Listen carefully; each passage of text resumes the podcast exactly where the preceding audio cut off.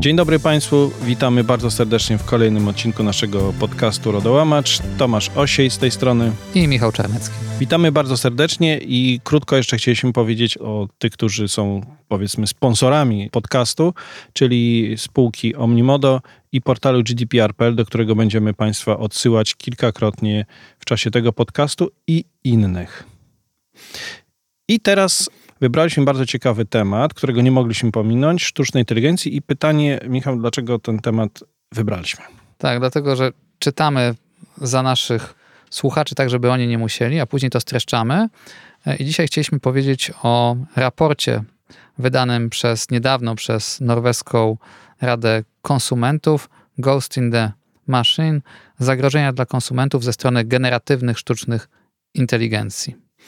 No i to jest pytanie takie, że materiałów na temat sztucznej inteligencji jest bardzo dużo, wszyscy się rozpisują, a my akurat mówimy o raporcie norweskim, chociaż moglibyśmy mówić o wielu innych dokumentach. Pytanie dlaczego? Raport ten wydał nam się ciekawy, dlatego że po pierwsze dosyć kompleksowo traktuje temat, ale też ma ciekawą perspektywę, czyli pokazuje, jakie są zagrożenia właśnie dla konsumentów, wskazuje na obecne dobre i złe praktyki i troszeczkę wizjonersko, jakie są prawdopodobne ścieżki e, rozwoju tych algorytmów i jak powinna być kształtowana debata na ten temat. Tak, y, my wspomnieliśmy o tym, że czytamy za Państwa. Przed chwilą sprawdziłem, raport ma 75 stron, ale się go bardzo ciekawie czyta. My postaramy się powiedzieć o tych najważniejszych rzeczach i o tej innej perspektywie, bo w sumie gdybyśmy mówili o tym, że sztuczna inteligencja istnieje, że jest ważna, że zmieni świat, że jest przełomem, że jest szansą, zagrożeniem, moglibyśmy to wymieniać, no ale to nam niewiele da, bo byśmy byli bardzo twórczy, tak jak sztuczna inteligencja tak zwana w większości, bo jest też sztuczna inteligencja, która praktycznie coś tworzy. Zaczniemy może od definicji, czyli generatywna sztuczna inteligencja. Czym ona jest? Znaczy, o czym my w ogóle mówimy? Tak, to są takie modele algorytmiczne szkolone w celu generowania nowych treści z wielu treści dostępnych dla modelu. Czyli innymi słowy, taki algorytm dostaje tysiąc, milion, miliard obrazów i później prosimy, żeby wygenerował nas, nam na przykład na podstawie tych, tych tysięcy obrazów drzewa inne drzewo i dostajemy całkiem oryginalne, piękne drzewko. Hmm. No i to jest teraz kolejne pytanie. My prowadzimy ten podcast teraz i zadajemy same pytania, na które później odpowiadamy. Mamy nadzieję, że wyczerpująco. Mianowicie, dlaczego ten temat nas tak bardzo interesuje, gdzie ma styk z ochroną danych osobowych, czy z danymi osobowymi? No ma styk już na samym początku, dlatego że sztuczna inteligencja musi się czymś nakarmić, więc ona się karmi informacjami, ale również y, takimi, które dotyczą osób, czyli danymi osobowymi. A wiemy, jaka jest definicja, w związku z czym wszystko to, co dotyczy nas i można to znaleźć w sieci, jest zaciągane i jest tym że ta sztuczna inteligencja karmiona, w związku z czym ta informacja jest poniekąd bez kontroli, o czym też powiemy i o czym raport bardzo fajnie wspomina. Ja bym chciał powiedzieć jeszcze jedną rzecz, zanim przejdziemy do następnego. Bardzo mi się podoba taki opis, takie sformułowanie dosyć obrazowe, mówiące o tym, że, że ten proces cały polega trochę na łączeniu kropek między danymi, które istnieją, czyli my to wszystko widzimy, a sztuczna inteligencja to widzi, i wysnuwa pewne wnioski i łączy kropki. Tylko, że po tym połączeniu kropek to różne rzeczy mogą powstać. Tak, znaczy autorzy raportu na początku wskazują, gdzie takie modele, takie algorytmy znajdują zastosowanie i oczywiście najbardziej znanym jest chociażby chat GPT, ale wielkie korporacje takie jak właśnie Meta, Google, Microsoft wykorzystują te algorytmy do generowania tekstu, obrazu, do wszelkiego rodzaju chatbotów, elektronicznych asystentów, do zwiększenia efektywności pewnych procesów. I tak jak wspomniałeś, problem jest w tym obszarze, skąd, ale właściwie na czym one się uczą. I tutaj norweska rada wskazała, że te dane to są dane nasze, dane konsumentów, wysysane z różnych, z różnych źródeł. I dodajmy, że konsumenci często przekazując, publikując dane na portalach społecznościowych, chociażby nawet w opiniach sklepów, nie mają świadomości tego, że te informacje są wykorzystywane, czyli po pierwsze nie ma zgody konsumenta, po drugie ten konsument nic o tym nie wie, nie jest mu wskazywana chociażby podstawa prawna, czyli karmienie się tymi danymi bez żadnej wiedzy i zgody konsumenta to jest pierwszy aspekt, czyli zagrożenie dla prywatności numer jeden, ale nie jest to jedyny aspekt, na który zwraca uwagę raport, bo jest i drugi. Otóż polegający na tym, że kiedy z naszych dostępnych danych, czyli na przykład encyklopedii e, prawnej lub prawniczej, nasze zdjęcie może być zabrane i wygenerowany model, jak to obchodzimy na przykład urodziny pewnego austriackiego kanclerza w środku lasu z wysoko podniesionymi pochodniami. Czyli nagle nie mamy kontroli nad e, naszymi danymi, nad naszym wizerunkiem. Może to być poważne zagrożenie dla takiej integralności naszego wizerunku. Tak, i tutaj po raz kolejny pochwalimy ten raport, bo wydaje się, że od samego początku mówimy o tym, że on jest bardzo dobry, jest ciekawy, dlatego też się nim zainteresowaliśmy, że on używa bardzo konkretnych pojęć, takich bliskich ochronie danych osobowych. Tutaj mówi o integralności, mówi o kontroli nad danymi, ale też raport to bardzo dobrze porządkuje. Nam się bardzo podobał, dlatego że przechodząc przez ten raport, czytając, widzimy na poziomie nie inżynierów, to od razu zaznaczmy, ale prawników i takich zwykłych zjadaczy chleba, widzimy, jakie są zagrożenia, widzimy, jak to jest skonstruowane. I teraz to, o czym ty mówiłeś, to znaczy to, że że powstają nowe informacje, deepfake'i, wszystko, co jest wykreowane sztuczne, prawdziwe lub nie, no to wszystko jest nieprzewidywalne. I to jest do uregulowania, o czym też powiemy później i raport też o tym wspomina, mówiąc o różnego rodzaju manipulacjach. Mhm.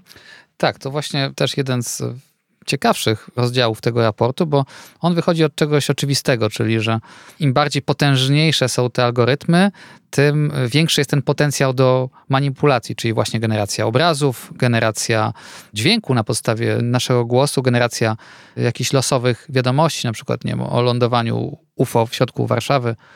Wszyscy wiemy, że zostało to oczywiście ukryte przez rząd tak, Jerzego no. Buzka dawno temu. Natomiast pojawia się tu też bardzo ciekawa płaszczyzna, czyli wpływ na emocje konsumenckie. Tak, i teraz ten wpływ na emocje został pokazany na przykładzie aplikacji, która się nazywa Replika i wykorzystuje sztuczną inteligencję. I teraz pytanie, dlaczego to jest takie bardzo interesujące? Dlatego, że organ włoski tego zabronił z jakiegoś powodu. Pytanie e, jakiego? Jak się wczytamy w raport, to wszystko stanie się jasne i to jest taki bardzo ciekawy rodzaj manipulacji, bo to jest taka manipulacja emocjonalna, gdzie sztuczna inteligencja z nami się zaprzyjaźnia, udaje przyjaciela, mówi, że daje nam dobre rady i do czegoś nas nakłania. Nakłania nas oczywiście do wydania pieniędzy, bo ona jest po to żeby zarobić, a nie po to, żebyśmy my zarobili. I to jest bardzo ciekawy przykład. Polecamy Państwu bardzo dokładną lekturę tej części dotyczącej tej aplikacji repliki. Tam jest opisanych sporo mechanizmów, które już się wydarzyły. Tak, tutaj troszeczkę taki spoiler i zachęta dla tych z Państwa, którzy zdecydują się przeczytać pełne opracowanie na, na GDPR.pl zamieszczone. Kolejnym takim elementem jest też wpływ na pracę. I tutaj y, autorzy raportu troszeczkę chcą rozwiać takie przeświadczenie, albo raczej stawiają taką tezę, że to nie jest tak, że my tutaj teraz siedzimy i patrzymy w taką wspaniale rysującą się świetlaną przyszłość, że oto sztuczna inteligencja usprawni tą pracę dla nas wszystkich i pozwoli zwalczyć biedę. Raczej są oni dosyć ostrożni, a nawet pesymistyczni, jeżeli chodzi o takie prognozy, bo wskazują, że może być wręcz przeciwnie, to znaczy e, wielkie korporacje, duże firmy technologiczne mogą raczej wzmacniać e, istniejące struktury i utrwalać te mechanizmy ubóstwa, które już istnieją, gdyż praca znowu może zostać zmechanizowana, zautomatyzowana, natomiast tych los tych pracowników schodzić będzie na drugi plan.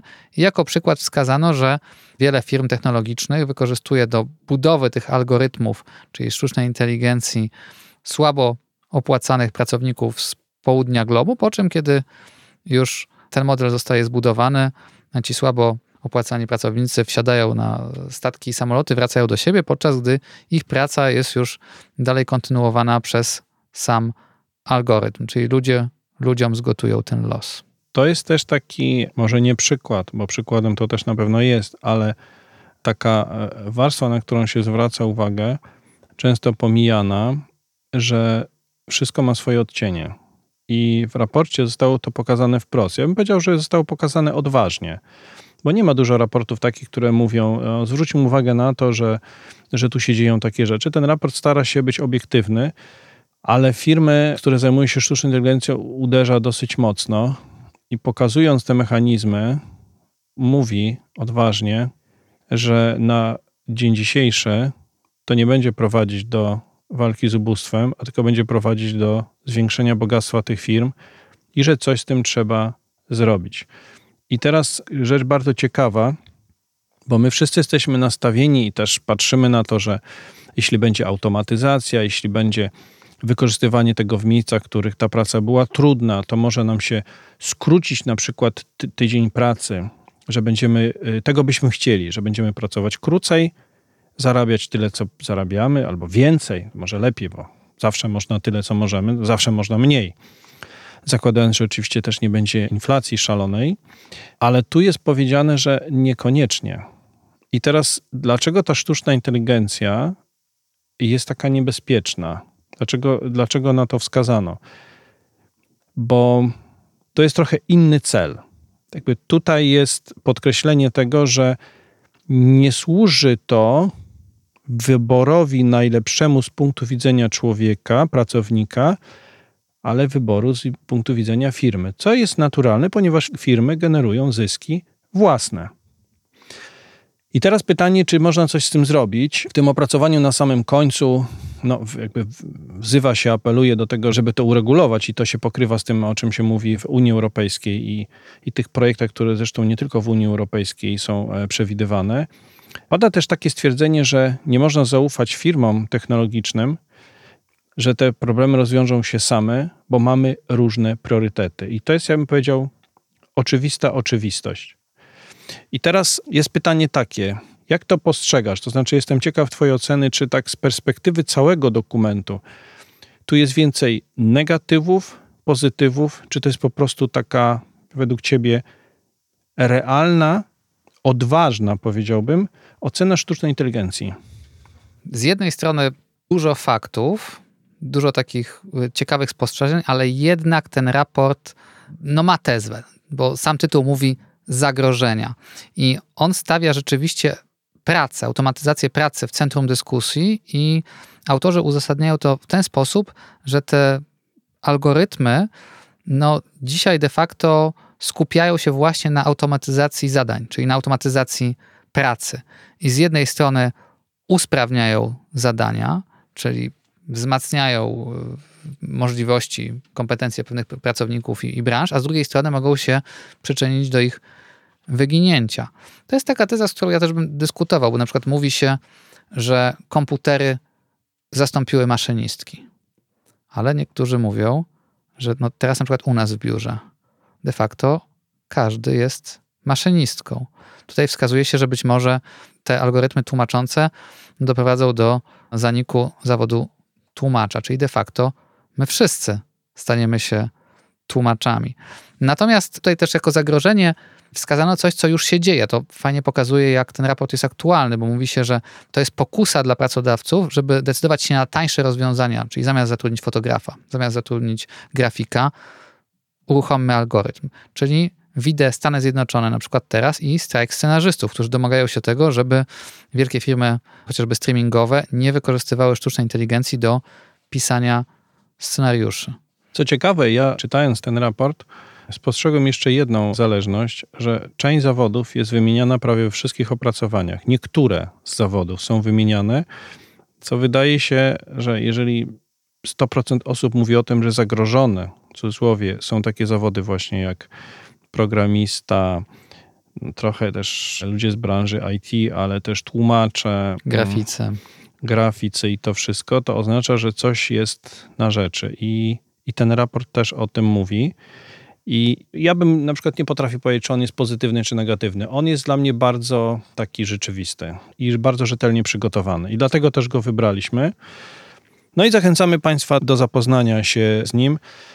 Zachęcamy do śledzenia, polecania i udostępniania naszych podcastów, dzięki czemu będziecie Państwo mieli dostęp do bardzo ciekawych informacji.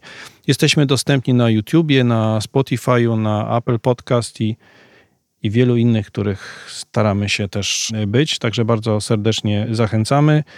Dziękujemy za dzisiejsze spotkanie. Na pewno wrócimy do sztucznej inteligencji, jeżeli pokażą się kolejne ciekawe dokumenty według nas i takie coś wnoszące. A tymczasem bardzo dziękujemy i zapraszamy na kolejny odcinek. I życzymy jak zawsze spokojnego przetwarzania.